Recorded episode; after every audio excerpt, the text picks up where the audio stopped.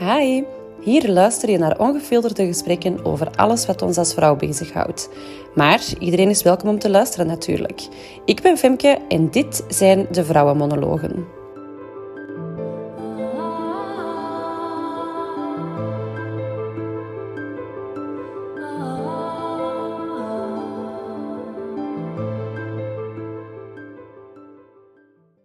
Goedemorgen, ik zit hier met dokter Elisabeth Timmermans en onze vierde aflevering van vandaag, um, alleen niet van vandaag, maar van de podcast, gaat gaan over relaties en online daten. Elisabeth, welkom op de podcast. Goedemorgen. Goedemorgen. Elisabeth, vertel eens, jij hebt momenteel, want ik moet u dokter hè, noemen, mm wat ik heel leuk vind. uh, jij hebt momenteel een doctoraat in online daten. Ja. Hoe bent je daarbij gekomen? Wat was uw eerste insteken qua studie? Ja. Ja, um, ja dat, is, dat is een hele goede vraag. Dus ik heb communicatiewetenschappen gestudeerd. Um, en wat wij daar eigenlijk vooral deden, was een beetje mediapsychologie. Mm Dus wij waren vooral bezig met hoe beïnvloedt de media ons als persoon, ons ja. als samenleving, zo die zaken. En toen ik begon aan mijn doctoraat, um, ja, ik, dat is uitzonderlijk, maar ik mocht kiezen waar ik het over ging doen. Ja, dat is inderdaad uitzonderlijk. en dat was ook heel fijn, maar dat was ook heel moeilijk. Dus elke week veranderde ik een beetje van gedachten of, of van ideeën. Of dacht ik, oh, dat is tof, dat is tof. Um, en toen dacht ik, oké, ik heb het gevonden. Ik wil um, mij focussen op hoe dat televisie kijken onze ideeën over relaties beïnvloedt. Ja. Nou, als we series kijken, als films kijken, dan krijgen we bepaalde ideeën over relaties. En dat kan soms uh, best wel destructief zijn voor relaties, ja. hè, wat dat we zien. Dus daar wilde ik mij op focussen. Dat ging ik doen. En toen ben ik eigenlijk, hè, maar dat is al een tijdje geleden, dat was 2013. En dan in 2014 ben ik naar de VS getrokken voor een jaar. Om daar eigenlijk mijn onderzoek verder te zetten. En daar was dan een groepje studenten en die waren allemaal op een applicatie bezig waar ik nog nooit van gehoord had. En die gebruikte dat tijdens de les. En ik vond dat zo bizar. En dat was Tinder dus. Ja, ja. ik herinner mij inderdaad 2014 dat dat... Um, dat, dat ja, ik denk dat ik de eerste keer dat toen ook eens voor te lachen heb geïnstalleerd. Ja. voor te kijken wat dat heel de hype rond was. Hè? Ja, inderdaad. En dat is zo een beetje toen richting Europa gecijpeld. Maar heel veel mensen waren daar toch nog zo van... Oh nee, en dat is een seks-app en, en die zaken. Terwijl wat ik in Amerika zag, dat was echt een app gelijk dat we Facebook en Instagram gebruiken. Dat was daar echt al helemaal ingeburgerd toen in 2014. En toen dacht ik van, dat is het. Dat, dat moet ik onderzoeken. Dat is revolutionair. Dat gaat zo'n impact hebben op hoe dat we naar elkaar kijken, hoe dat we in relaties staan, die zaken. En ik weet nog dat mijn promotor toen zei van, zijt je zeker? Ga je dat doen? Um, want dat kan een hype zijn. Hè? Doctoraat, dat duurt meestal vier jaar, of sommige zes jaar als het een hype is, zou het kunnen dat dat na een jaar of twee gedaan is. En ja. ga ik dan de rest van de tijd, waar ga ik dan over schrijven? Uh, maar ik heb toch ja, de stap gewaagd. Ik heb het risico genomen. En kijk, vandaag 2021. Het is er nog altijd. ik denk dat we het zelfs gewoon niet kunnen wegdenken. Ja, oké. Ehm, ik wil eventjes inpikken op wat je daarnet zei. Um, hoe dat de media onze um, kijk op relaties beïnvloedt. Ik kan mij bijvoorbeeld voorstellen, als ik nog jong was, de mm. klassieke Disney-films, dat ging eigenlijk altijd over het feit, als je Prince Charming gevonden hebt, dan ben je binnen. Dan is je leven compleet. Hoe uh, verhoudt dat zich als je zegt van... Um, de invloed dat de media op ons heeft qua relaties.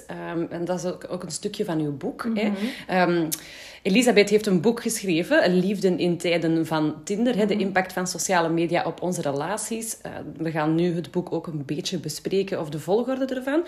Maar relaties komt daar ook als eerste stuk in terug. Hè. En zeker ook de media en wat voor invloed dat daarop mm -hmm. heeft. Kunt je daar iets meer over vertellen?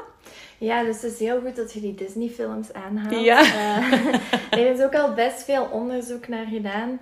Um, omdat dat ons een beetje onrealistische verwachtingen over relaties geeft. Verschrikkelijk. Ja. Ik moet wel zeggen, ik vind dat Disney er zelf vooruitgang in gemaakt heeft. Ja, nu wel, hè. De ja. laatste nieuwe Disney-films. Ja, klopt. Als we naar Frozen en zo... Ja, nu is het heel vrijgevochten. En... ja, en ik vond dat zo'n mooie scène in Frozen. Um, als Anna zegt van, ja, ik wil trouwen. En dan zegt Elsa van, uh, you can't marry a man you just met. Ja. Uh, maar dat is dus eigenlijk kritiek van Disney op alle films die daar vooraf Ja, dat is het tegenovergestelde. Uh, ja, ja, dat is wel wat er gebeurde.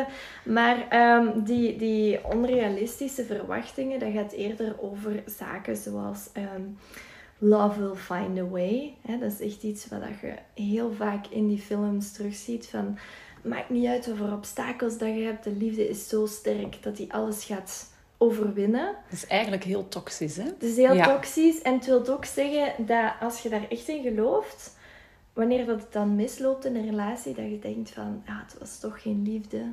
Want we hebben het niet overwonnen. Ja, of ik heb het nog niet gevonden. Ja. En hetzelfde met soulmates. Hè? Het idee van hier, hier loopt het uh, perfecte deksel op mijn potje rond. Um, heb ik ook mijn twijfels bij. Um, the one and only. Hè? Dus er is maar één iemand hè, die bij mij past. Maar dat zijn wel dingen die je van kleins af aan altijd hebt gezien. Hè? Zeker van onze generatie. Die ja, de millennials. Ja. zijn opgegroeid. Uh, dus dat zijn zo de, de ideeën daarover die dat je krijgt. Ja, ook in muziek, hè? verschrikkelijk. Ja, hè? Ja. ja, muziek is er ook heel erg ja, in. Zeker de 90s. Op zich, hè, met muziek, dat kan ook troost bieden en zo. Dus dat is daarom niet slecht. Maar het is wel Um, belangrijk, en daar is dus echt onderzoek naar gedaan. Je hebt dus een, een destiny mindset of een growth mindset. Ja, en wat is het verschil? En de mensen met een destiny mindset, die denken echt van, ja, liefde overwint alles. Als ik de waren heb gevonden, dan gaat alles van een bij takje lopen. Um, alles gaat goed. En de growth mindset is meer een, laten we zeggen, een volwassen kijk op relaties. Waarin dat je echt gaat beseffen van, ja, liefde is een werkwoord. Ja. Ik ga erin moeten investeren in mezelf, maar ook in ons als koppel. Ja. ik mag van mijn partner ook wel een paar zaken verwachten. Dus dat zijn eigenlijk heel grote verschillen. En dan zie je dat mensen met meer een destiny belief, um, dat die ja, sneller een relatie uh, verbreken. Wanneer dat ze het gevoel hebben van, oh, er komen conflicten. Dat is toch niet echt een relatie dan. Ja. Dat, dat is niet de moeite. Um, terwijl mensen met een growth mindset eerder beseffen van, ja, een relatie gaat met ups en downs. Uh, het is normaal dat het soms wat moeilijker gaat. Maar ik sta ervoor open om, om eraan te werken. Ja. er zijn wel verschillende studies die hebben aangetoond van mensen die veel tv kijken. En dan vooral romantische comedies, films, series. Dat die sneller geneigd zijn om zo'n destiny mindset te ja. hebben. Uh, chance, ik kijk heel graag horrorfilms. Ja, voilà. um, Maar als we dan gaan kijken, dus die destiny of die growth mindset. Ehm, ook zelfs in die growth mindset, wanneer moet je wel er uh, een stop op zetten? Want je kunt ook maar blijven zoveel werken en investeren. En... Ja, um, het, het belangrijke daar is dat het natuurlijk van twee kanten komt. Ja. En dat je dat ook beseft, dat je kan...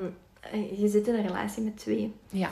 Dus een van de twee kan super hard eraan werken en altijd maar toegeven en, en altijd maar proberen te verbeteren. Maar als de ander daar niet in mee kan of wil gaan, dan geeft dat eigenlijk al wel een belangrijke boodschap. Ja, ja. Dus- het is ook vaak dat we andere mensen willen proberen te verbeteren. Hè? Dat we daar een versie van, van willen maken dat wij in ons hoofd hebben. Wat gebeurt daar? Wat, wat moet je daaraan doen? Ja, dat is heel moeilijk. Ik denk gewoon het, het beseffen Um, ik geef eigenlijk ook veel cursussen rond persoonlijke ontwikkeling, met. Enneagram bijvoorbeeld. En wat we daar altijd benadrukken is, je hebt alleen maar impact op jezelf. Dus je kunt jezelf gaan veranderen, je kunt uh, jezelf observeren, al die zaken. Maar op de ander gaat je eigenlijk heel moeilijk een, een impact kunnen hebben. In die zin van, je gaat een ander niet anders kunnen maken. Wat je wel kunt doen, is door uh, in een ruzie bijvoorbeeld, door je eigen gedrag aan te passen, dat je de ander daarin dan kunt meetrekken. Hè? Maar je gaat die nooit als, als persoon kunnen veranderen. En nee. Dat is iets wat je moet leren loslaten, maar dat is, dat is heel moeilijk. En niet alleen in, in relaties natuurlijk. Hè. Ik denk dat ouders die kinderen hebben, daar uh, een van de grootste en mooiste lessen in krijgen. Van, ja. dat moet je loslaten. Je kunt een, een andere persoon niet zomaar veranderen zoals jij wilt. En maar goed ook. Ja, klopt. Ik heb bijvoorbeeld bij mijzelf gezien... Um, je kunt eigenlijk ook als persoon zodanig veranderen en zodanig groeien... dat dat andere persoon niet meegaat daarin. En dan mhm. is het ook de bedoeling, denk ik, om wel even te checken van... Oké, gaat dat nog samen verder kunnen gaan? Ja. Ik vind dat altijd een dubbele. Um, als je zo in die coachingwereld terechtkomt, dan uh, hoor ik dat verhaal heel vaak. Uh, vooral eigenlijk bij vrouwen kom ik het tegen van ja, en ik begon aan persoonlijke ontwikkeling en ik ging vooruit en ik voelde dat mijn partner niet mee kon en dat is uiteindelijk tot een scheiding gekomen. Ja. Ik zeg niet dat dat een probleem is, hè. Um, maar ja, ik vind dat soms zo jammer dat die twee niet kunnen samengaan. Of, of dat mensen dat gevoel krijgen. Dus ik denk dat er wel manieren zijn om te zorgen dat dat wel samen lukt. Maar dat, er is geen succesformule voor iedereen. Dus, nee. dus dat gaat van persoon tot persoon. Ja, dat is heel individueel natuurlijk. Hè? Ja. Maar ik heb communicatiewetenschap gedaan. Communication is key. key. dat blijft zo de uh, zin en de oplossing voor alles. nee, maar het is, het is ook wel... Um, het is heel belangrijk om, om dingen uit te spreken, om dingen te benoemen, maar wel op een constructieve manier. Ja. En het is... Um, ja, dat, is, dat is een woord wat dan vaak gebruikt wordt. Je moet opletten voor universal quantifiers. Bijvoorbeeld, jij bent altijd. Ja. jij doet nooit. Ja. En die altijd en die nooit, dat zijn zo dingen, klopt dat wel? Doet hij inderdaad altijd dit of dat? Doet hij echt nooit dit Ik hoor mezelf bijna spreken of mijn mama bijna spreken. ja, want dan, dan, dan zet je de andere persoon echt een beetje vast. Hè? Ehm, dus uh, ja, het is eigenlijk belangrijk om vanuit die ik-boodschap te spreken in plaats van meteen van jij. Ja, jij doet dit mis, jij doet dat. Maar dat je meer echt bij jezelf legt van... Ik heb het gevoel dat... Ja, ja. ja um, om, omdat je dan ook de, de weg meer openlegt voor de anderen. Om ook te kunnen en te willen luisteren. Ja, oké. En dat is echt iets... Ik, ik ben nu... Um, ja, na mijn onderzoek en zo besef van ik wil heel graag richting therapie gaan. Dus ik ben terug uh, gaan studeren.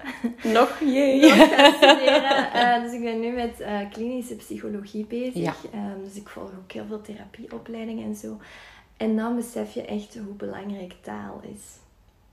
Elkaars taal spreken? Of, Elkaars taal spreken, maar ook um, bijvoorbeeld als je zegt ik ben verdrietig. Mm dat klinkt meteen heel zwaar. Maar als je het verwoordt als iets in mij is verdrietig, dan voel je zo al meer nieuwsgierigheid naar, oké, ik wil dat iets in mij gaan onderzoeken. Ja. Terwijl als je het echt ik ben, dan ga je er zo mee vereenzelvigen. En dan wordt het ook zwaar en moeilijk, moeilijk om daar naar te gaan kijken. Ja. Dus dat bedoel ik met die communicatie. Dat is, dat is niet per se van praat met elkaar. Ik denk dat we dat allemaal doen, maar ook gewoon eens nadenken hoe praten we met elkaar. Ja.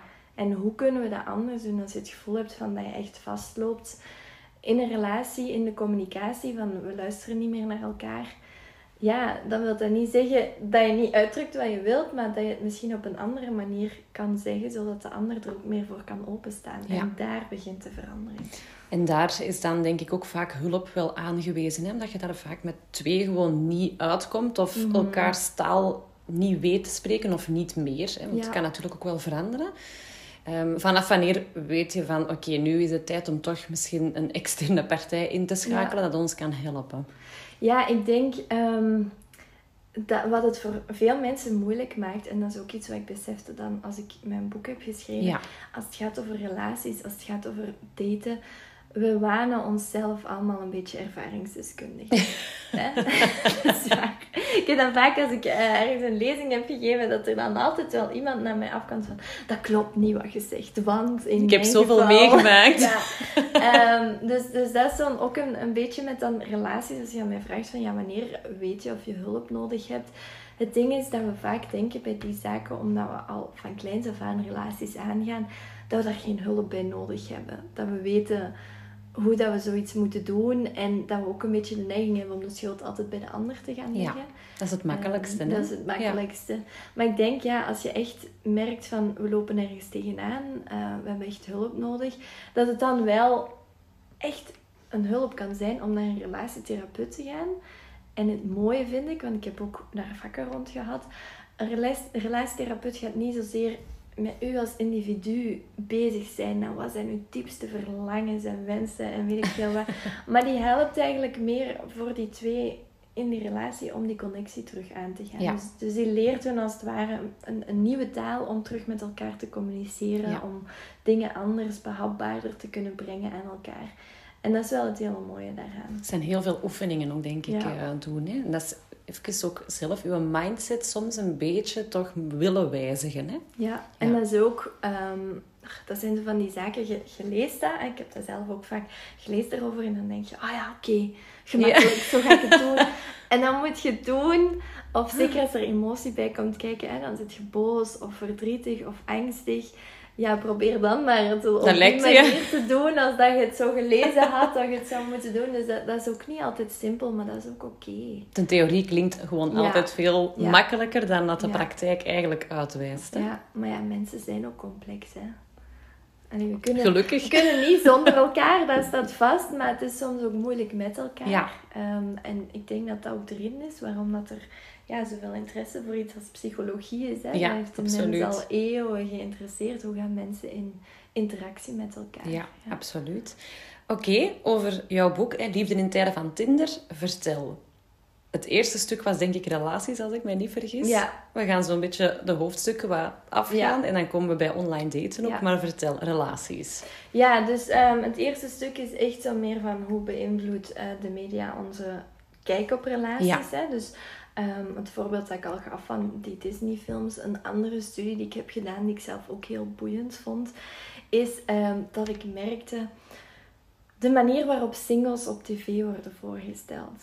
Ik ga eens even aan u vragen. Zo, Ja. Als je denkt aan, aan een single vrouw op tv, wat komt er dan in jou op?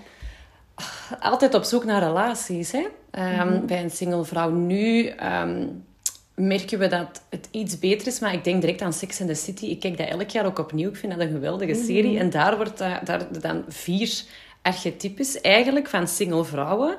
Maar er komen altijd wel, de, de, de stereotype beelden komen altijd terug. Als we kijken naar bijvoorbeeld Carrie, ehm, die is hopeloos op zoek en die zit eigenlijk continu in toxische relaties. Dus dat, eh, waar dat zij eigenlijk veel te hard hangt aan de man en dat dat niet terug eh, gegeven wordt aan haar. Als we dan gaan kijken naar Samantha, zij is gewoon degene die met heel New York in bed kruipt en that's fine. Ja, Ehm, zo gezegd. zo gezegd, Ja. want eigenlijk wordt zij heel veel geshamed, zelfs door haar eigen Als ik nu. Ja. terugkijk naar hoe dat is, dan denk ik van wauw, hier zit zoveel misogynie en zo in. Ja, ja, ja. ja. Ehm, en dan hebben we natuurlijk de hopeloze romanticus, dat is Charlotte. Charlotte, ja. En dan hebben we de, ehm, de harde tante, hè, dat is eh, Ja. Miranda. Dus zij is altijd ook dan degene die uit de broek draagt als ze dan in een relatie is. En, eh, dus het is zo heel, heel stereotyp, vind Ja. ik wel. Ja. En het is ook, want ik heb het ook even over Sex in the City in het boek. Ja. Ehm, ik dacht daaraan van, ah ja, Sex in the City is een goed voorbeeld van die variatie in de single vrouw. Maar aan de andere kant, ik heb dan artikels gelezen, wetenschappelijke artikels. Dus Ja. er zijn wetenschappers die zich hebben bezighouden met Sex in the City. Geweldig. Dat dat kan dus. Ehm, en dan zie je eigenlijk van, ondanks dat er die serie is die zo gezegd laat zien van, hè, dit is hoe de single vrouw kan zijn Ja, aan het einde van de serie heeft wel iedereen een partner. ja klopt, klopt. En dat is, een, eh, dat is iets wat je eigenlijk heel vaak ziet terugkomen. Ja. In, en vooral eigenlijk bij vrouwelijke personages. Zelfs als ze vrijgevochten zijn, hè, zelfs als ze een personage zijn zoals Samantha, op het einde van de serie hebben ze toch een partner. Dus dat blijft ergens zo een boodschap geven Ja. van, maakt niet uit. eh, op het einde van de rit verwachten we wel dat je, dat je een partner hebt. Ja, gelukkig hebben ze daar in een eerste film, denk ik, veranderingen gebracht in Samantha. Mhm. Het is ook weer typisch natuurlijk dat het wel bij haar is, hè, dat dat niet gebeurt bij een Charlotte of zo. Ehm, en ik vind het altijd mooi, ze, ze gebruikt dat twee keer. Hè. Ze gebruikt dat in de serie met Richard en dan gebruikt ze dat ook in de film met... Ik ben even zijn, die een blonde Adonis. ben die, even zijn eh, naam eh, vergeten. daar, ja. Ehm, I love you, but I love me, Me more. Ja. ja. ja. Dus maar dat dat vond ik zie je wel in de film, maar als de serie gedaan was, Ja, dan wel, ze niet dat Ja. idee van er gaat nog een film komen. Nee. Ik denk dat dat toen nog niet echt sprake van kwam. Dus als je echt puur naar die serie kijkt, van zo is het wel afgelopen. Maar zelfs los daarvan ehm, zijn er dus studies die gekeken hebben van hoe zit het met mannelijke personages versus vrouwelijke personages. Waar Ja. praten ze over? Ja. En dan zie je dat twee derde van de gesprekken die vrouwelijke personages voeren, altijd over relaties gaan. Ja, kijk naar Friends, hè. dat is eigenlijk ook zo. Hè. Ja. En in Friends is het, ehm, ik dacht er net aan, in Friends is het ook wel opvallend dat bijvoorbeeld op het einde van de serie is ehm, Joey nog wel altijd single. Ja. Dus een man. Ja, een man. Ja, een man. Phoebe Ja. ook niet, want nee, zij is ook getrouwd. Ja, en ja, alle vrouwen zijn, eh, zijn weer bezet. Ja, ja. En dan heb je ook nog zo het, het type soort relatie. Is grappig dat je Sex in the City en Friends aanhaalt, want daar heb je het allebei. Zo, ehm, in Sex in the City heb je Carrie en... Mr. Big. Mr. Big. ja. Dat is echt zo de typische on-off relatie. Het heel toxische gebeuren. Hè? Ja, we kijken als- naar Ross en Ja, Rachel. Ross en Rachel Ja. hetzelfde. Maar als kijker word je echt zo de hele tijd zo in die spanning gelaten van ja, ze moeten uiteindelijk wel samen geraken. En altijd als ze elkaar terugzien, dan is er die chemie. Of als een van de twee verder gaat, dan beseft de ander, oh, ik wil het toch. Dus eigenlijk is dat iets wat best wel ongezond is, wat je liever niet in je eigen leven meemaakt. Terwijl dat je tegelijkertijd als kijker ehm, dat gevoel krijgt van, oh, dat is het. Zo, hè, die ene persoon waarbij dat je toch altijd het gevoel hebt van, we zijn voorbestemd, het lukt niet altijd, maar uiteindelijk komen we wel samen. en dan merk je dat mensen zo dan in hun, in hun eigen relaties dat een beetje... Ik wou net zeggen, I feel seen. Want ik heb ook zo'n dingen al meegemaakt. Ja, en dat is niet gek. En loslaten is super, super, super moeilijk. Een relatie laten gaan is heel moeilijk. En ik denk dat we ons allemaal een beetje met die gedachte troosten van... Ooit komen we terug samen. Ja, hè? exact. Dat zien we op het scherm. Het, het kan. Er is ook niks mis mee. Maar het is gewoon... Ik denk, bijna bij elke serie die je kan inbeelden... is er wel vaak zo'n soort spanning tussen twee Ja. hoofdpersonages. Waaraan dat de cliffhangers van de laatste aflevering van het seizoen heel Altijd. vaak op gebaseerd zijn. En dat is ook omdat het de kijker zo wat, zo wat bezighoudt. Hè? Maar het is wel, ik zal niet zeggen gevaarlijk, maar het is wel toxisch voor onze eigen relaties. Of welk beeld dat we ervan hebben. Hè? Hoe het zou moeten gaan. Ja. Of Ja, het, het kan... Ja, toxisch. ehm, ik ben altijd zo'n beetje voorzichtig Met het woord toxisch. Ja, eh, dat is nu zo een, een beetje een modewoord. toxic positivity, ja. toxic masculinity. Ehm, ja. Maar ja, het is wel iets waar dat we ons, ons bewust van moeten zijn. Ja. Ik denk niet dat het mensen gelukkig gaat maken om in die situatie te zitten. Ehm, dus als je merkt dat je daarin zit, dat is eigenlijk een beetje die keuze uitstellen. Ofwel ga je ervoor, ofwel ga je verder. ja. Maar dan blijf je zo'n beetje in die in-between Ja. hangen. Zo. Ja, Ja. exact. Er is een woord voor, hè, ehm, dat heel vaak gebruikt wordt in online daten. Ik ben het eventjes kwijt. Misschien dat ik er straks wel terug op kom. Mm, breadcrumbing? Nee, ja, zoiets. Ja, ik denk het. Zo heel de tijd het aan, af, aan, Mhm. af. eh, ja, ik, ik, ik zit veel op TikTok tegenwoordig. En Ah, ja. daar komen heel veel van die zaken terug. Zoals dingen met online daten. En hoe daar relaties nu gevormd worden. Hè. Want een vaste relatie aangaan, dat is ook al zoiets dat precies heel moeilijk is tegenwoordig. Dan denk ik nog zelfs meer de generatie dat achter ons komt. Hè. Dat is Gen Z. Ehm, waarbij dat er dan ja, een friends with benefits heel veel naar voren komt. Dus wel de, de voordelen van een relatie hebben, maar het niet benoemen als een relatie zijnde. En dan de nadelen eigenlijk ook een beetje blokkeren of achterwege laten. Hè? Ja, dat is goed dat je dat zegt, want daar gaat eigenlijk het eerste deel ook voor een stuk Ja. over. Die in Amerika noemen we het de hookup culture. Ja, de hookup Ehm, culture. Dus daar hebben ja. we het... In België gebruiken we die term veel minder. Fuck buddies gebruiken we hier ook.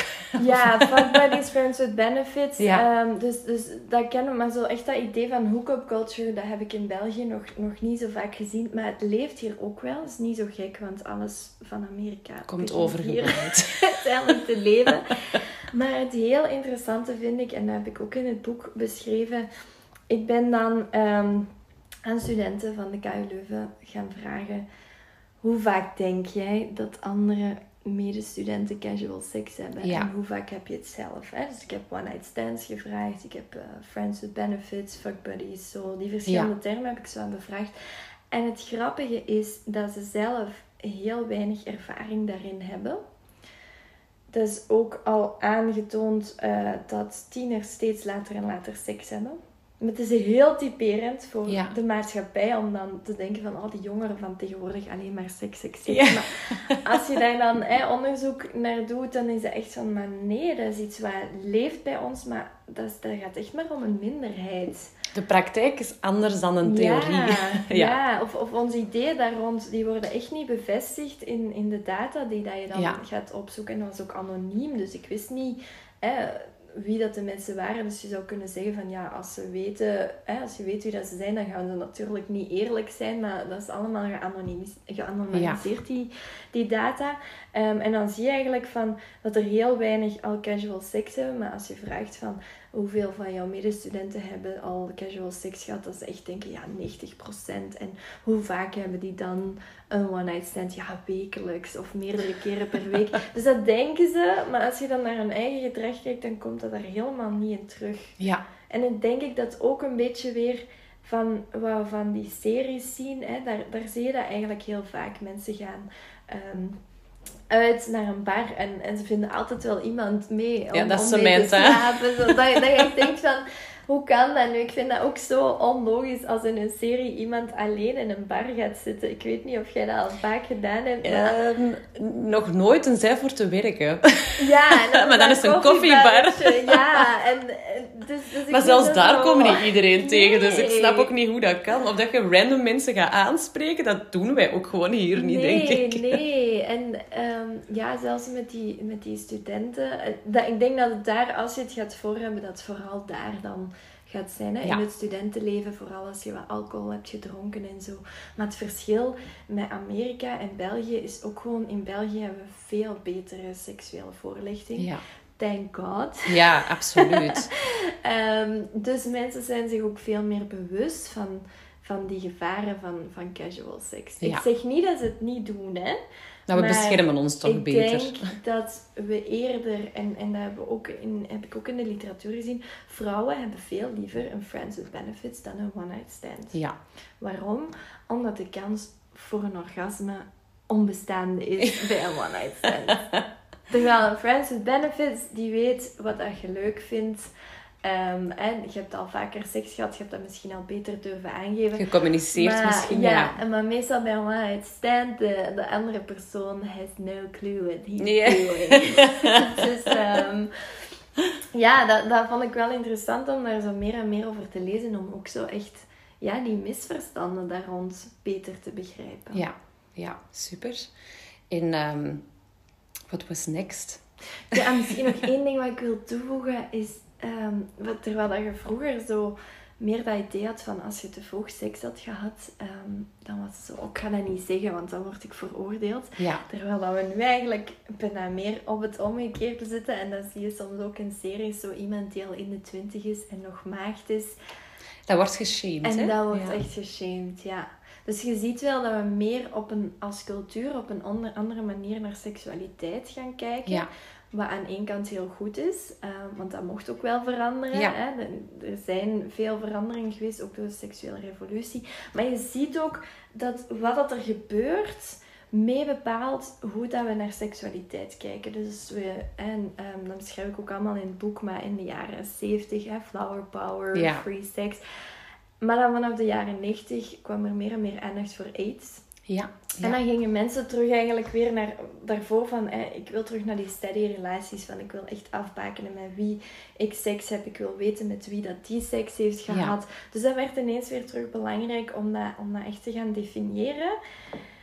Dan daarna is die angst daarvoor weggeëpt um, en, en werd het weer zo'n vrije cultuur. En ik denk dat met corona dat dat weer een beetje heeft veranderd. Van, hè, zeker vorig jaar met die lockdown. Ja, gewoon niet als je een online date deed, als je al durfde afspreken, wilde je niet dat die al die week met iemand anders had afgesproken. Dus hij heeft dat zo weer een klein beetje teruggebracht. En als je naar de geschiedenis kijkt, dan zie je dat er eigenlijk de hele tijd zo... Dat is ook met ups en downs. Ja. ja. ja. dat is wel gek eigenlijk. Ja, hè? ja. in de jaren twintig was echt ook weer heel vrij vanaf de Tweede Wereldoorlog was er een schaarste aan mannen. Ja. Dus wilden al die vrouwen dan natuurlijk weer hè, echt, echt gaan definiëren en vastzetten. Dus dat is niet iets typerend voor nu, dat is er altijd, is altijd al geweest. Ja. Interessant, echt super interessant. Ja, vond ik ook. Ja, leuk. en dan denk ik dat we aan het, het stuk online daten komen. Hè? Ja, en dat is eigenlijk waar mijn eigen onderzoek voornamelijk rondgegaan heeft.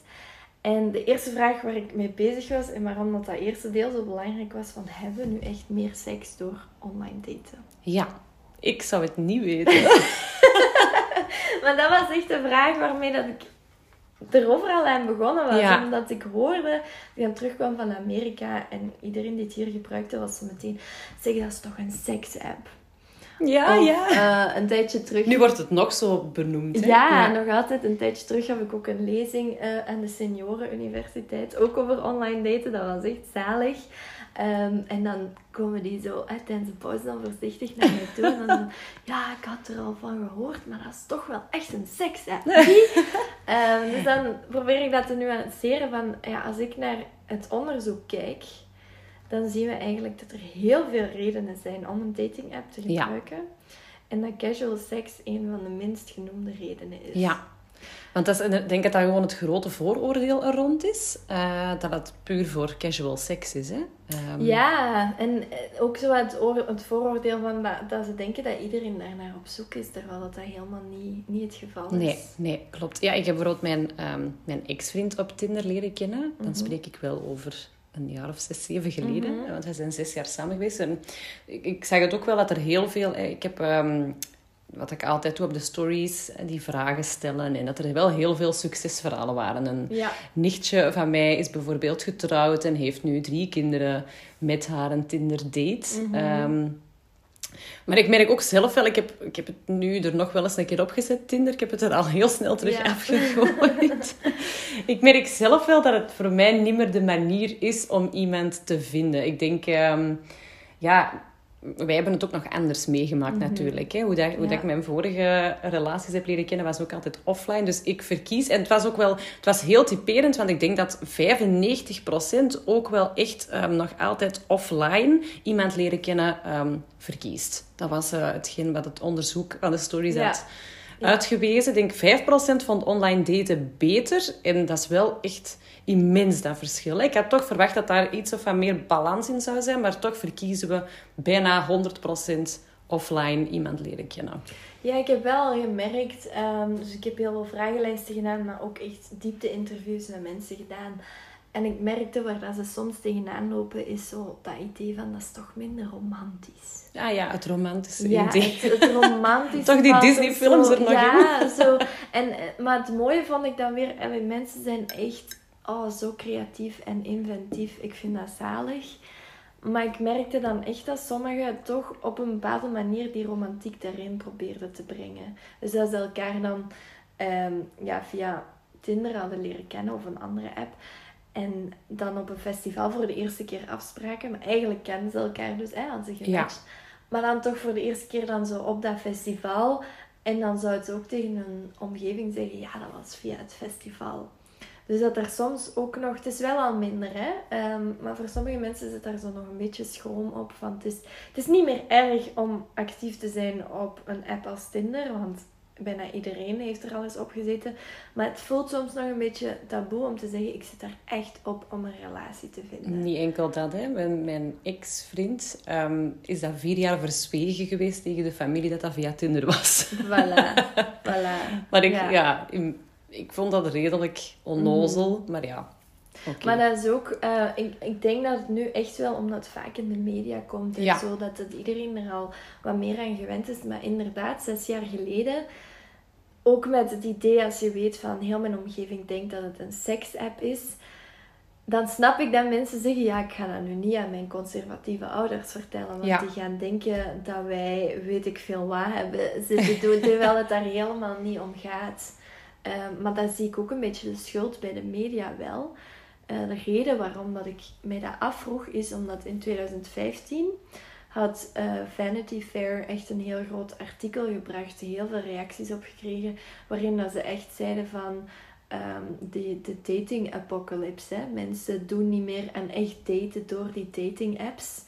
Um, het draait alleen nog maar om casual sex. En dan had daar een foto bij van allemaal millennials in een bar die zo op een gsm zitten te kijken. En Vreselijk. Dat, dat, dat vond ik zo een foute weergave. En ook gewoon, dat ben ik gaan beseffen door jarenlang naar onderzoek te, zijn, te doen van...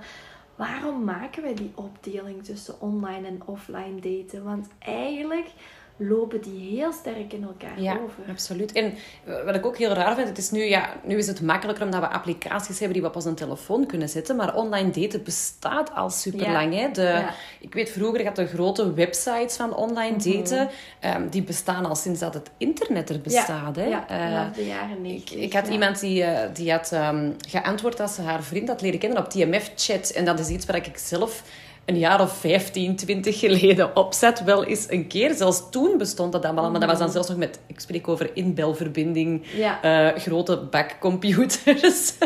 ja, dus het bestaat al super lang. Het bestaat al heel lang, maar ook de kans toen om um, ja, zoiets als catfishing of zo mee te maken, ja. was zelfs veel groter dan ah, ja. nu. Er is een heel programma. Heel moeilijk. Ja. er is een heel programma aangeweid op MTV, heel lang. Hè? Ja. Maar nu is dat echt, het, het gebeurt nog altijd. Hè. Ik ga niet zeggen dat het niet meer gebeurt, um, maar wel, er wordt wel een heel andere groep getarget. Ja. Ik denk dat iemand, hè, Gen Z of millennial, het niet zo snel zal meemaken, omdat we echt zijn opgegroeid met die communicatietechnologieën en, en we veel meer manieren kennen om echt te achterhalen, is die persoon wie dat die zegt. Ja, ja. we kunnen al snel een ander eh, een ander medium gaan open doen. Hè? Want als dat de persoon daar is, kunnen we wel eens even gaan checken. Oké, is dat dezelfde persoon op Facebook of op Instagram? inderdaad, inderdaad. En als ik niks vind, bestaat die wel. even en, verifiëren. Hè? Maar ook daar weer vind ik een heel groot verschil tussen mannen en vrouwen. Als het echt over de gevaren gaat, vind ik dat vrouwen zich veel bewuster zijn van het gevaar en potentieel in gevaar zijn dan mannen. Ja, ik had uh, iemand dat een verhaal, ik weet niet of je het hebt gelezen, um, ze had een verhaal gedaan ook over dus iemand leren kennen via Tinder en dan, ik denk, bij hem afgesproken. En ja, het, het was eigenlijk een, het was een verhaal voor de politie, vond ik zelf. Ze heeft er ehm, uiteindelijk toen niks meer mee gedaan, denk ik. Maar ja, die is echt benaderd geweest in de zin van aanranding. hè? Mhm. Dus het gevaar is er absoluut wel. Ja. Hè? Ja. Ehm, ik denk dat daar jezelf beschermen vooral afspreken op een openbare plaats, uh, waar dat andere mensen rondom je zijn, nooit naar iemand thuis de eerste keer gaan. Mm dat dat het beste is om jezelf te kunnen beschermen. Ja, maar tegelijkertijd ben ik ook altijd voorzichtig met die boodschappen, omdat je dan weer um, aan victim blaming kunt doen. Ja. Want ja, eigenlijk de ideale maatschappij is één waarbij dat je gewoon bij elkaar thuis kunt komen zonder dat je zonder dat er iets... Ja. zorgen moet maken om je eigen veiligheid. Ja. En het is ook zeker een van de tips die ik geef. Hè, van als je nog nooit hebt afgesproken, ga naar een openbare plek. Waar dat er, zeker waar dat er sociale controle is. Hè. Een, in, een plek in het bos is ook een openbare plek. Maar dus die sociale controle is wel belangrijk. Waarom uh, online, hoewel het nu meer en meer aan het veranderen is, omdat Tinder ook toelaat dat je video's gebruikt en zo. Maar het is eerder 2D.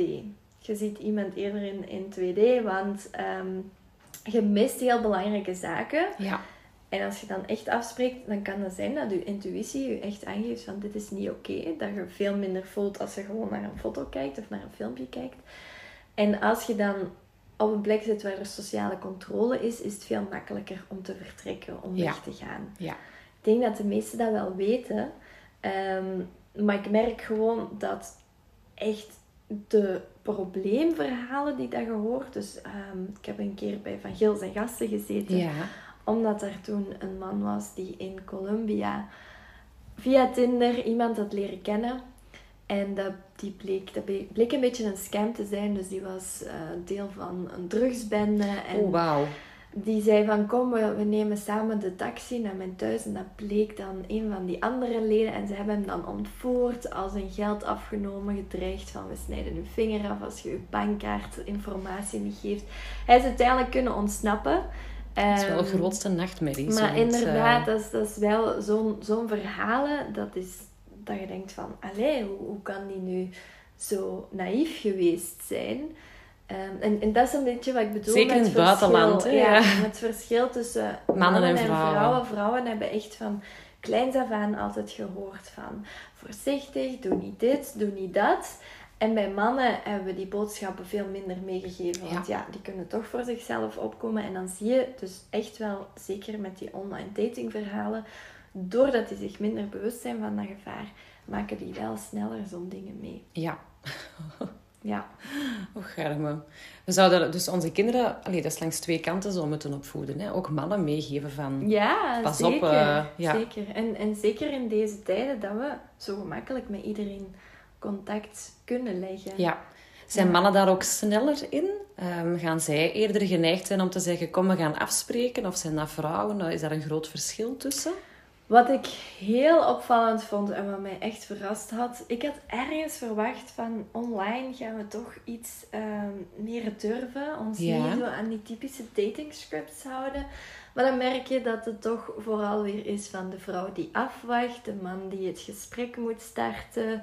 Komt heel vaak voor en ik vind dat zo gek. Ik voel mijzelf weer zien. Want ik denk niet dat ik ooit zelf tegen iemand, of misschien vroeger, maar zeker niet nu. Ik heb dan wel zo een aantal matches, maar ja, ik zeg het, ik heb het maar heel kort gehad. En ik heb nooit het gesprek zelf gestart. Nee, inderdaad. Ah, Dus, ik heb zelfs aan ghosting gedaan, denk ik. Maar ja, ook eh, omdat je het... moeten we het ook zelf Ja, ook, ook, ook omdat ik de app gewoon ineens ook weer heb verwijderd. Ja, Dus, ja. Nee, maar eh, inderdaad, en, en het gaat echt langs twee kanten, want ik heb dan al gezien van mannen, als je dan vraagt van en waarom, ehm, start je altijd het eerste gesprek, of dat die zelfs zeggen van ja, een vrouw die als eerste start, dan gaan er bij mij alarmbellen af. Oei, echt waar? Want Dus dan assertief die zijn mag wel bij niet. iedereen dat doen. En hè, wie weet met hoeveel tegelijk dat hij bezig is. En dat vind ik zo'n beetje zo die, die dubbele moraal daarin. Ik zeg Ja. niet dat alle mannen dat vinden, want er zijn er ook die echt zeggen van please, start het gesprek, want ik, ik weet niet meer hoe dat ik moet beginnen. Ik ben het zo beu om hij alles goed te zeggen en niemand antwoordt daar nog op. Logisch ook. En zij vinden dan zoiets als Bumble dan weer wel heel aangenaam. Ja. Ik- Het valt mij op, wat je nu zegt. Ehm, want sommige mannen hadden dat ook wel effectief in hun Tinder-bio staan. Van als je naar daar swipet en je zegt niks, dan hoeft het niet. Ja, Allee, zo. ja. Ja, ik denk niet dat heel veel mensen daar al geneigd zijn om op ja te drukken. Of van nou, welke kant dat je moet swipen. en dat zou ook mijn tip zijn eh, in uw bio. Focus op wat je wel wilt en niet op wat Ja, je niet wilt. want dat is ook redelijk agressief. En dat is direct negatief natuurlijk. Ja. Eh, En zeker in dat eerste contact, dat is niet wat, dat je, nee. wat dat je wilt. nee, voor mij was dat ook al direct bye. Ja, en ergens snap ik dat, want mensen hebben heel veel negatieve ervaringen. Ja. Online daten is super frustrerend. Ja. Alle mensen die een relatie hebben, die nu aan het luisteren zijn, die hebben dat op een bepaalde manier geïdealiseerd. Ik hoor zo vaak van mensen, ach, ik wou dat ik het had meegemaakt. Ik wou dat het er al was toen ik single was. Dat lijkt me echt zalig. De single-wereld ligt aan uw voeten, maar degenen die het echt hebben gedaan, die kennen de frustratie. Oh, Ik was het gewoon ook beu na vijf Ja. minuten. ligt misschien aan mij. Maar, en ik, ehm, want dat was eigenlijk een vraag dat ik u daar straks wou stellen, maar ik ga ze nu wel stellen. Ehm, mijn issue was, ik zag ook overal wel iets aan dat mij niet... Want ja, in, het echt, je leert iemand kennen... ehm, het is ook is, het is een meeting of minds, hè? Ja. Eh, waardoor dat daar juist weer aantrekkingen en alles kan ontstaan. Terwijl hier is het, want dat is ook hetgeen wat als commentaar kwam, pure vleeskeuring. En ik zie dan overal wel iets mis mee. Hoe komt dat? Dat is heel logisch. Ja. Ehm, ik heb eigenlijk, en, en daar heb ik ook een heel interessant stuk in het boek over. Ik heb eens zitten kijken van, oké, als je heel veel keuze hebt, kun je dan een keuze maken. Ja. En daar is binnen de economie, economische wetenschappen, best wel veel onderzoek naar gedaan. Hoe maken mensen een keuze? En een van de beste experimenten die ik daar rond heb gevonden is als je, eh, en dat hebben ze dus echt gedaan, als ze ehm, in een supermarkt, in twee verschillende supermarkten, hadden ze confituurpotjes die je mocht proeven en dan kopen gezet. En als er maar drie potjes waren om te proeven, dan stopten er veel minder mensen. Ja. Maar als ze geproefd hadden, dan was de kans dat ze gingen kopen heel groot. Want ze waren al gestopt, er waren maar drie opties. Ja. Alle drie eens proeven. Ah, oké, dat is de beste, die pak Ja. ik. In een andere supermarkt hadden ze dan echt 20 opties. Veel meer mensen stopten. Hè, mooi zeg, hè, 20 potjes die kan kiezen. Maar er waren veel minder mensen die echt een confituurpotje kochten. Mhm. En hoe komt dat? Dat is gewoon, je hersenen vinden dat heel moeilijk om dat te verwerken. Je hebt zoveel verschillende smaken, zoveel opties. Hoe weet je nu wat dat de beste is? Ja, dat is hetzelfde als op restaurant. Als de kaart veel te groot is, dan, weet, dan gaat er bij mij alarmbellen af. Dan weet ik van, oei, dat kan niet. Dan is dat niet vers dus, gemaakt. Uh, of... ja, ja, inderdaad. En, en gewoon ook, dan, dan, dan maakt het zo moeilijk om te kiezen. En dan heeft degene tegenover u toch iets gepakt waar je aan twijfelde. En je krijgt je gerecht en je denkt, ah, oh, fuck, ik ja. exact dat. dat uh, en dat zie je dus ook echt terug in online daten. Dus ondertussen zijn er ook studies die die principes hebben toegepast op online daten. En ik vond die resultaten echt zot. Als je weinig keuze had en je had een keuze gemaakt, dan waren mensen meer tevreden over die keuze. Mhm. Als ze veel keuze hadden, hè, dus, dus echt een hele lijst van daar mocht iemand uit kiezen. Als ze dan uiteindelijk hadden gekozen, dan waren er veel meer mensen die zeiden: Ik wil toch ruilen. Ja. Ik wil toch iemand anders. En dan, dat is ook niet zo onlogisch, want als je dan aan mensen vraagt die online daten of hè, die dan op dates gaan of zo daar blijft zo toch ergens altijd iets van: ach, is het dit nu? Of, of ga ik misschien toch nog eens kijken? Ja. Dus die vele opties maken dat we geneigd zijn om terug te gaan. Ja. En ik heb het ook veel over het algoritme. In het ja, vertel. Um, Want daar weten wij eigenlijk daar niets weten over. we niet hè? veel over, maar ook gewoon als je daarover nadenkt. Ik ga het nog eens herhalen. Hoe meer keuze we hebben, hoe groter de kans dat we teruggaan naar het platform. Dat is geniaal. Want wat wil Tinder? Of wat willen al die andere dating apps? Die willen gebruikers. Ja. Waar halen zij hun geld uit? Uh, advertenties. Ja, en ja, je hebt zoveel lidmaatschappen. Uh, ik Ja. zag het op Tinder ook. Ze vragen het ook constant. Hè. Wilt je, wilt je zien Ja. wie dat u de topic heeft? Of weet ik veel wat er... Allee, er was ineens zoveel bijgekomen na zes jaar. Ja. Dat, ik, kon zelf al niet meer volgen. Nee, ik, wou, ik wou niks, dus ja. Gerust. ja, niet doen. Ja. Maar ja, dat, dus, dus dat is eigenlijk voor hun super interessant als mensen blijven terugkomen. Ja.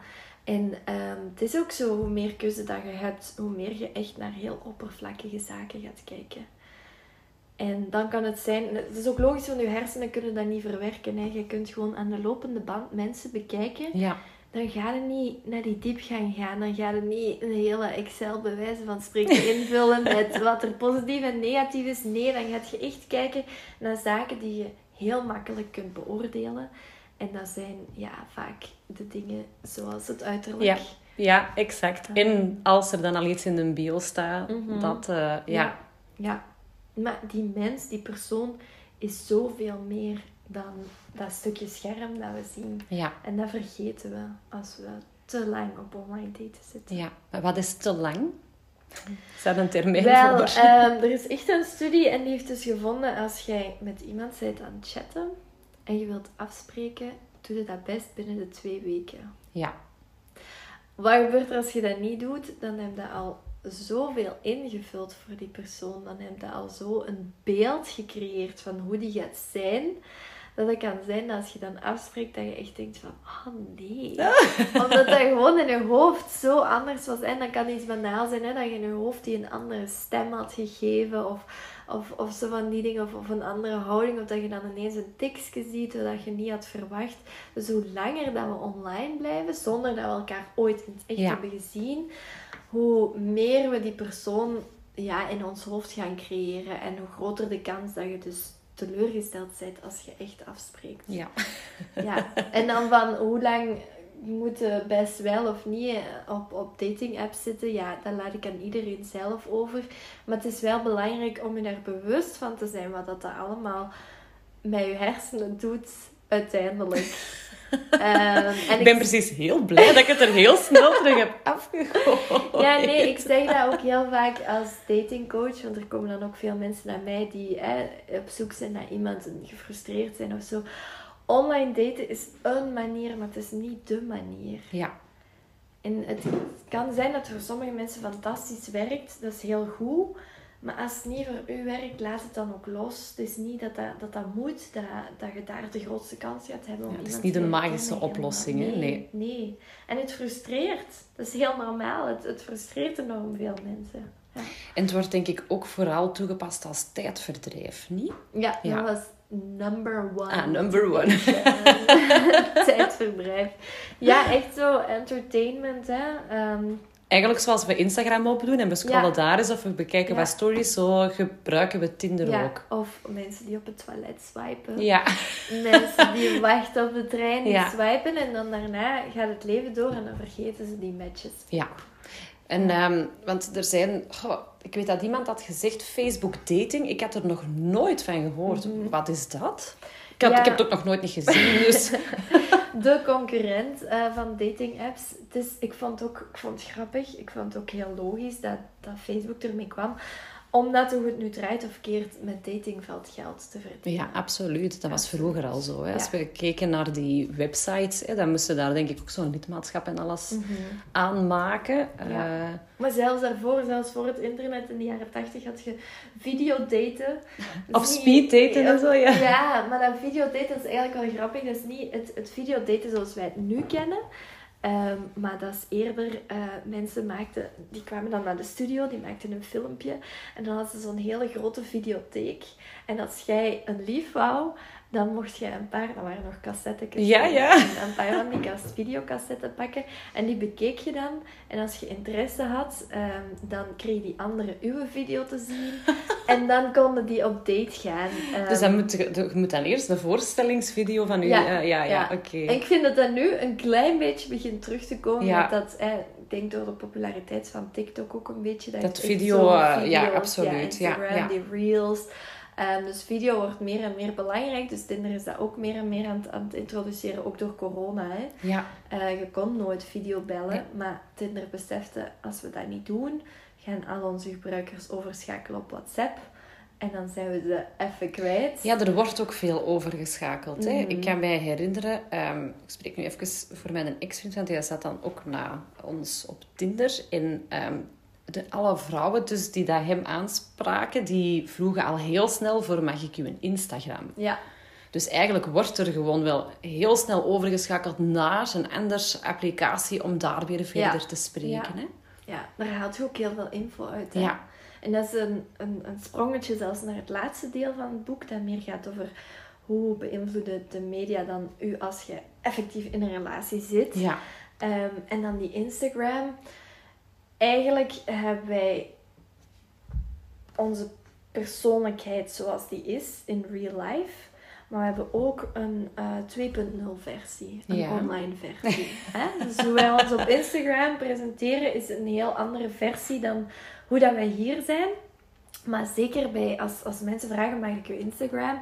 Dat is echt ook een, een beetje een beoordeling. Hè? Van, oké, okay, ehm, wat voor foto's zet hij? Heeft hij vrienden? Maar ook, hoe reageert hij bij anderen? Als ik zie dat hij, bij, bij mannen dan bijvoorbeeld, als ik zie dat hij te veel complimentjes zit te geven aan allemaal andere vrouwen, wil ik daar dan nog wel iets mee beginnen? Kun je dat zien al die op Instagram? Ja, je kunt, zo, je kunt zo'n dingen, je kunt dat wel allemaal zien. Hè? Ehm, maar ook als je een relatie hebt, of je bent aan het daten, vanaf wanneer komt die persoon in je stories? Vanaf wanneer ah, komt die in de feed? Dat zijn zo eh, Instagram official, of Facebook official, TikTok official. Dat zijn zo de nieuwe mijlpalen ja. in een relatie.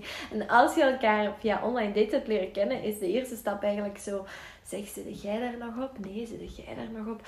Het ritueel van, we gaan het nu samen verwijderen. Ja.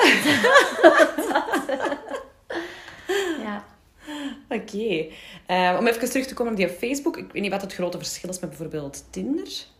Um, wel, wat ik het, het gevaarlijkste vind, ik maak het nu zelf ook mee eigenlijk. um, maar dat heb ik aan het begin als, als kritiek een beetje geuit. Dus ik heb op Facebook um, niet mijn relatiestatus staan. Nee, ik ook niet. Nee. Dus Facebook gaat ervan uit dat ik single ben. Ah, maar ik, heb een, ik heb een partner, maar omdat dat niet, hè, daar niet staat, ik, ik ben in een relatie met die, hè, dat is niet gelinkt aan elkaar, um, krijg ik nu de hele tijd van Facebook van, hey, wilt je Facebook dating proberen? Ik heb dat precies nog nooit gekregen, ja, godzijdank. heel veel. En ik vind het zo zot. Um, want dat is dus een paar klikken en je hebt het. Hè? Want je moet gewoon je foto's staan al op Facebook. Oh, dat zou ik zelfs niet eens willen delen met, uh, met andere mensen. Want op Tinder kunnen dan nog tenminste kiezen welke foto dat er... Ja, maar op Facebook kun je het dan ah, selecteren. Maar hè, al je foto's staan daar op Facebook. Dus je hebt, je hebt veel keuze. Eigenlijk kies een paar profielfoto's of zo. Ehm, dus in een paar klikken zou ik erop kunnen zitten. En ehm, bij Tinder is dat natuurlijk ook wel zo. Maar het ding is, stel dat het niet zo goed gaat in je relatie. En je zit op Facebook en Facebook herinnert u er elke dag aan dat je aan Facebook dating zou kunnen doen. dan wordt het wel heel verleidelijk. Ja, exact. Ja. Dus dat is het grote gevaar er een beetje. Ja, en het zit ook echt helemaal in uw netwerk wat voordelen en nadelen kunnen zijn. Maar Tinder verzamelt al veel informatie van ons. Maar ik kan me inbeelden dat Facebook nog zoveel meer weet. En dat kan ook heel eng zijn. Ja, exact privacy, hè? Ja. Die dat we dan eigenlijk niet meer hebben. En dat is net zoals dat... En als je gesprekken hebt met iemand en je krijgt dan ineens daarna reclame daarvan op Facebook. Oh, dat is zo creepy. Dat is heel creepy. maar stel je voor dat dat zo ja. met, met mogelijke partners zou zijn. Oh nee, dat je ineens partners of zo voorgeschoteld krijgt van zeg, wat vind je hiervan? Voilà. Je hebt een naam laten vallen van oh, dat vind ik een mooie naam. En ineens allemaal mannen. ineens allemaal Alexen of zo. Maar ik denk dat het in België nog redelijk weinig wordt gebruikt. Ja, want ik had er inderdaad nog nooit van gehoord. Bumble heb ik al wel eens gehoord, maar ik zou ook niet weten wat het is. Want, mm -hmm. dus verschil daar met Tinder, Bumble? Uh... Bumble, heel grappig. Uh, dus degene die Bumble heeft opgericht, had een relatie met de oprichter van Tinder. dat is een crossover. En, dat, ze zijn uit elkaar gegaan. Zij zat uiteindelijk mee in het bedrijf, maar dat heeft voor veel frictie gezorgd. Ja, kan ik me voorstellen. Ik ken de details niet, maar hè, ik heb de grote lijnen meegekregen. En uh, zij had zo het idee van, ja, ik vind Tinder eigenlijk niet vrouwvriendelijk genoeg ik ga Bumble oprichten en daar zorg ik echt dat ik alle macht bij de vrouwen leg. Wauw, oké. En wat doet dat? Dus het heeft zo een meer feministisch kantje, hoewel eigenlijk Tinder voor een stukje ook al feministisch is, met het idee dat je wederzijds toestemming moet hebben om contact te kunnen hebben. Ja. Dus dat matchen maakte online daten voor vrouwen eindelijk interessant. Want daarvoor als je op een online dating website zat, iedereen kon u contacteren. Ja.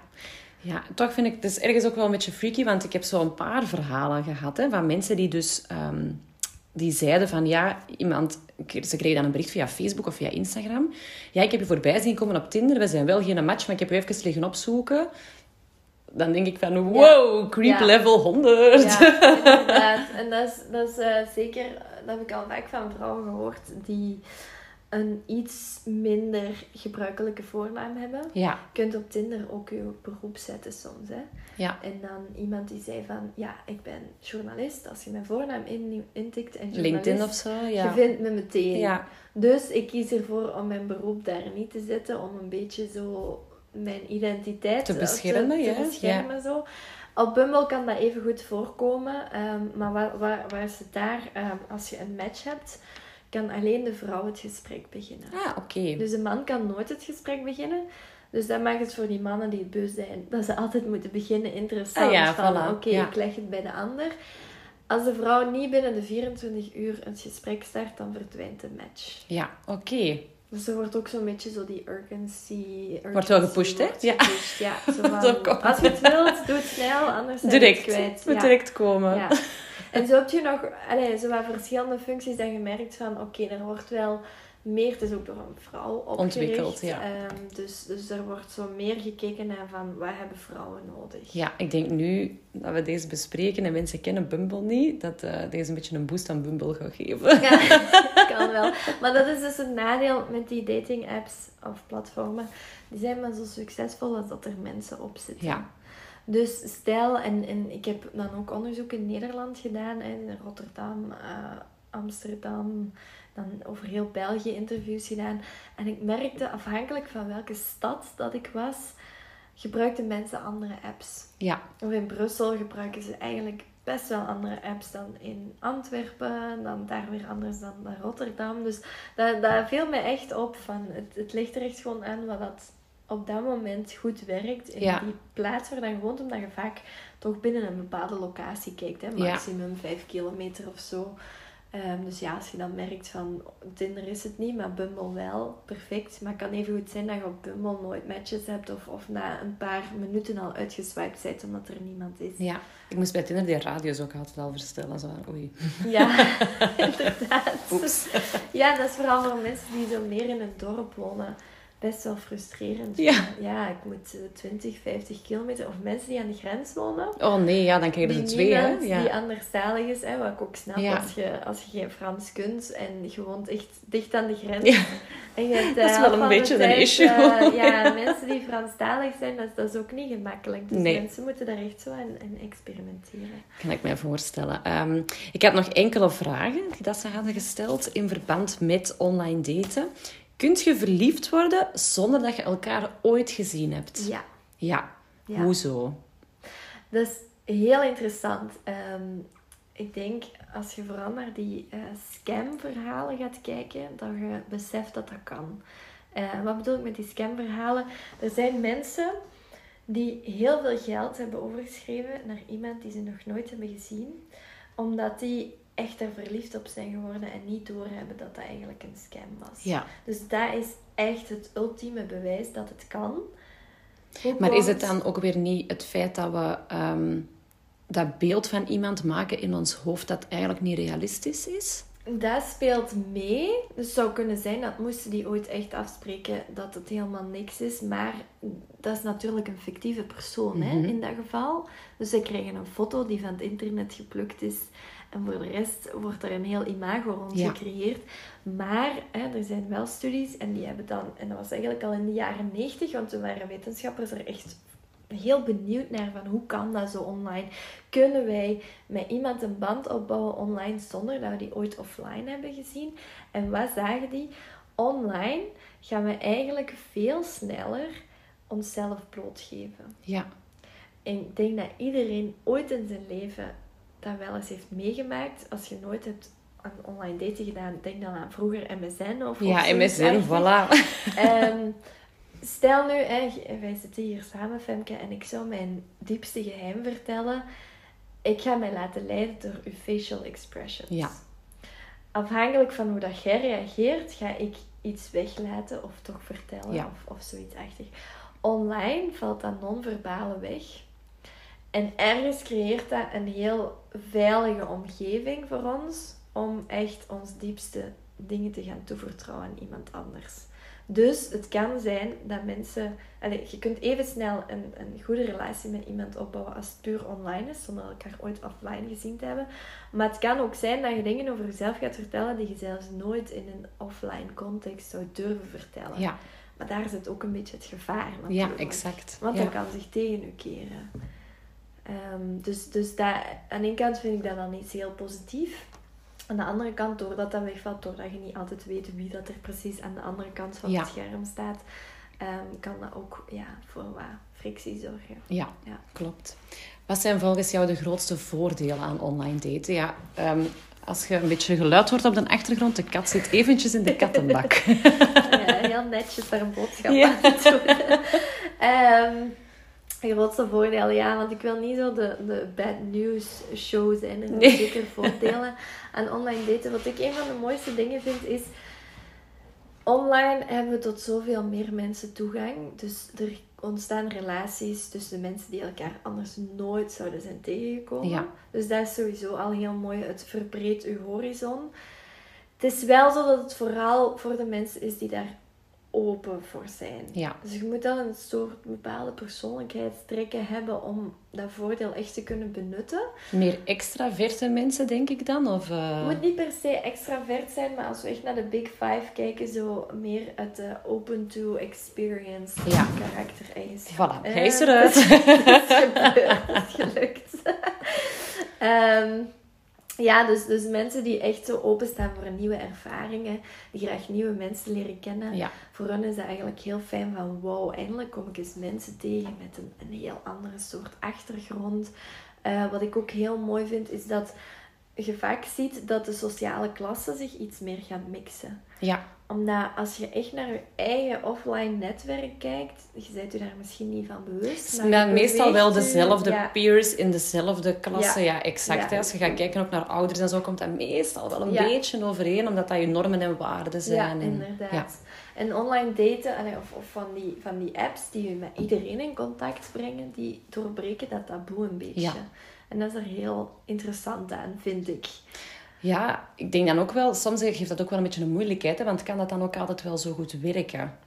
Ja, dat is, dat is ehm, de kritiek die het dan krijgt. En zeker zoiets als Tinder, van iedereen kan erop, iedereen kan er gratis op. Ja. Ehm, dat is ook een beetje de frustratie. En dan heb je andere zaken gelijk elite dating. En dat is dan echt um, voor mensen met geld. Of, dat is waar ik de reclame op tv altijd van ziet. Hè? Met zo'n super mooie mensen. Inderdaad. maar ook niet alleen super mooi, maar ook die die wel een goed inkomen hebben. Die willen investeren daarin. Dus dat vind ik wel, en dat is een tip die ik vaak geef van als je weet, dit soort profiel, daar ben ik naar op zoek. Tinder zal je alleen maar frustreren, want daar gaat je alles vinden. Dus als dat echt zo het geval is, ja, dan kun je beter er wat in investeren, dat je meteen naar een platform gaat waar dat je dat vindt. Ja. Aan de andere kant heb je ook zoiets als die Inner Circle. Ik weet niet of je daar al van gehoord Nee, nog nooit van gehoord. Het komt uit Nederland daar is het idee, je moet toegelaten worden. Dus als jij heel exclusief. dat wilt hebben, je gaat dat downloaden, dan, dan word je echt beoordeeld. Zit je knap genoeg? Zit je intelligent genoeg? En als je aan al die factoren voldoet, dan word je toegelaten in die inner circle. Dus daar is zo'n beetje het idee van, hè, we willen kwaliteit garanderen. Maar dat kan ook wel pijnlijk zijn, hè? Maar als je niet toegelaten wordt. Ja, maar wauw, dan word je gewoon afgewezen op in intelligentie, in je uiterlijk. En dat is, amai, voor je zelfvertrouwen is dat wel een grote ja, knak. Ja, zeker. Want zo, we voelen, eh, ondanks dat Tinder ons een beetje beschermt voor die afwijzing, dat je niet een melding krijgt van, jullie zijn geen match, hè? Stel je voor. Ondanks dat we daar zo gezegd van beschermd worden, um, merken mensen wel als ze afgewezen worden. Want uh, je hebt dat misschien nooit meegemaakt, maar er zijn mensen die met mij geweest zijn van ja, ik heb nog nooit een match gehad. Nee, dat heb ik inderdaad nog niet meegemaakt. twee maanden. Ja, dat is wel heel. Dus dat is super kwetsend eigenlijk, hè? Als je dat, als je dat zo'n beetje beseft en dan zoiets als die inner circle. Ja, dat is nog veel. Duwt het er dan nog eens echt in. Uh, eigenlijk is dat een beetje dus, verschrikkelijk, maar ja, ja. oké. Ja, um, want ja, dat was ook de volgende vraag. Wat zijn de nadelen eraan? Dat is bijvoorbeeld dan weer een heel groot nadeel. Hè? Um, Mensen die geen matches krijgen, die dan wel... Ja, dat is voor je zelfvertrouwen natuurlijk. Je gaat daar misschien eigenlijk op ook met een beetje het idee van je zelfvertrouwen een boost te geven. Mhm. En dan maakt het alleen maar erger. Ja. Ja, en ik heb um, een, een studie met een uh, masterstudenten van mij toen ik nog in Nederland uh, les gaf en studenten begeleiden. En zij had gekeken van hoe beïnvloedt Tinder ons welzijn. En in die resultaten kwam dus eigenlijk naar boven van we worden ongelukkig van Tinder, vooral wanneer we op zoek zijn naar een relatie. Ja. Dus ik denk dat Tinder sowieso, of, of andere dating apps, sowieso voordelen kunnen hebben. Hè. Ehm, entertainment, je kunt dus goed lachen, je bent bezig als je verveelt. Als je geluk hebt, komt er wel echt iets mooi uit. Hè? Want daar gaan we ook geen doekjes om winnen. Er zijn heel veel mensen die een partner hebben gevonden, dus het kan zeker. Ja. Ehm, maar het is gewoon als je echt op zoek bent naar een relatie, kan het heel frustrerend zijn en uw ja, welzijn zelfs op een negatieve manier gaan beïnvloeden. Ja, dat is niet de bedoeling, hè? Nee. Ehm, de volgende vraag. Hoe hebben al die applicaties hè, het online daten landschap veranderd? Ik denk dat de kat van achter iets afgebroken heeft. Daar gaan we straks eens naar kijken. Um, ik denk dat hij gewoon ook wel online date. Ja. Hoe lang zit hij al binnen hier? um, sorry, wat was de vraag? Uh, hoe dat de applicaties het online daten landschap hebben veranderd. Ja, die hebben het gevormd. Ja. De grootste verandering is, um, voordat de dating apps bestonden, dan was er eigenlijk één groep die fel aan het daten waren, dat waren zo de dertigers, veertigers. Ja, dat waren de mensen die dus effectief, zoals in Elite Dating, zo'n website gingen gebruiken daarvoor. Hè? Ja. Maar ook gewoon, hè, als je een studentenleven hebt, het is gemakkelijk om iemand te vinden. Maar vanaf het moment dat iedereen aan het werken is, kinderen heeft en jij blijft als single over, over bedoel ik. nou, Engels. So over. So over. Um, ja, dan wordt het moeilijk, want dan, dan ga je niet meer zoveel uitgaan. Er zijn minder en minder singles over. Degenen die erover zijn, denk je al snel van uh, issues. Of, hè, dat zijn de dingen die we in Sex and the City ja. zagen terugkomen. Ja. Inderdaad. Um, en dan is het heel handig om die online datingplatformen te hebben. Uh, want dan kon je gerichter zoeken. Dan had je ook veel meer opties dan hè, binnen je eigen netwerk. En het interessante is dat door Tinder en door die andere applicaties we ineens zagen dat groepen die daarvoor totaal geen interesse hadden in online daten, ineens dat beginnen te doen. Ja. En dat zijn de twintigers en de 60-plussers. Och? Ja, ja, ja die zijn echt qua gebruik vierdubbeld. Vergeleken met toen het echt zo de websites waren nog. Hè? Ja. Ook gewoon omdat ze meer uh, tech-savvy worden. Hè? Iedereen heeft een smartphone. Het is snel gedownload. Je hebt het altijd bij je. Uh, ze zien hun eigen kinderen doen. Hè? Als een relatie is afgebroken of een partner is gestorven of zo. Dan begint zo meer en meer dat ze die stappen ook durven zetten. Oh, daar had ik nu niet gedacht dat dat uh, ook in het Tinderlandschap en zo zat. Ingebakken, de 60-plussers. Leuk. Goed eigenlijk, hè? want voor hetzelfde geld, waar komen die misschien anders nog iemand tegen? Hè? Ja, inderdaad. Het wordt wel echt altijd, altijd moeilijker. En zeker als je zo een keer buiten je eigen netwerk wilt gaan. Het is niet altijd evident nee. om iemand te vinden. Nee, exact. En eh, je hebt heel even over speeddating gehad. Ja. Speeddating, super tof. Uh, heb ik ook heel veel studies van gelezen. Kan ook zeker werken. Wat is het nadeel? Als je dat organiseert, vrouwen vind je altijd, maar het is zo moeilijk om mannen te vinden. Die daarvoor openstaan? Of, uh... Ik denk dat die veel minder hun, hun weg vinden daar naartoe. Ik heb zelf eens een keer, um, toen ik in Rotterdam nog, nog werkte, een, een speed dating event georganiseerd. Echt super tof. Um, dat zat meteen vol, maar ik moest echt na een tijdje zeggen, er kunnen geen vrouwen meer zich aanmelden. Ik heb net meer mannen nodig. En dan zag ik ook als dat gepromoot werd, alle vrouwen zaten hun vriendinnen te taggen. Mannen doen dat niet bij elkaar. Uh, dus ik denk dat dat zo voor minder visibiliteit zorgt. En vrouwen zeggen ook sneller, kom we doen dat samen. Ja. En mannen ziet je dat ook minder snel doen. Ja. Dus als er, ik weet niet of er veel mannen luisteren naar je podcast. Ik denk het niet. Mijn tip voor mannen zou echt zijn: ga speeddating doen. Zoveel toffe, interessante, intelligente vrouwen die je dan gaat kunnen tegenkomen. Ja. Want het gebeurt nog wel, hè? Of nu hopelijk toch uh, met dat alles wat versoepeld is, dat er terug van die speeddating. Ja. Uh, meestal is het een bar of zo hè, dat dat gebeurt, dat dat wel terug wat opkomt. Ja, en anders, um, vrouwen die aan het luisteren zijn voor uw single vrienden, zeggen tegen de mannen dat ze zich moeten inschrijven aan een speed dating of in een speed dating evenement. Just go. Oké, goed. Um, dus Elisabeth, Liefde in tijden van Tinder. We gaan nog even kijken, um, als ik binnenkort de website heb, hoe dat we het boek daarop krijgen. En dan kun je het boek ook via um, mij aanschaffen. dan ben jij enorm hard bedankt om naar hier te komen. Ik vond het een super interessante aflevering. zeker omdat er zo dingen naar boven zijn gekomen die ik zelf herken, maar ook... Ik heb weer heel wat bijgeleerd over online daten. Voilà, uh, Elisabeth heeft het boek Liefde in tijden van Tinder geschreven. Uh, binnenkort gaan we dat op de website ergens hopelijk wel kunnen zetten. Um, als je nog vragen hebt, Elisabeth heeft ook een Instagram-profiel. Ja. En dat is denk ik gewoon uh, Elisabeth Timmermans, als ik mij niet vergis. Elisabeth.timmermans. Timmermans. Um, daar heb ik Engelstalige content en ja. ook 3 maal 3 Ja, juist. waar ja. je ook veel info kan vinden. Oké, okay, voilà. Dat was de aflevering voor vandaag. Bye bye.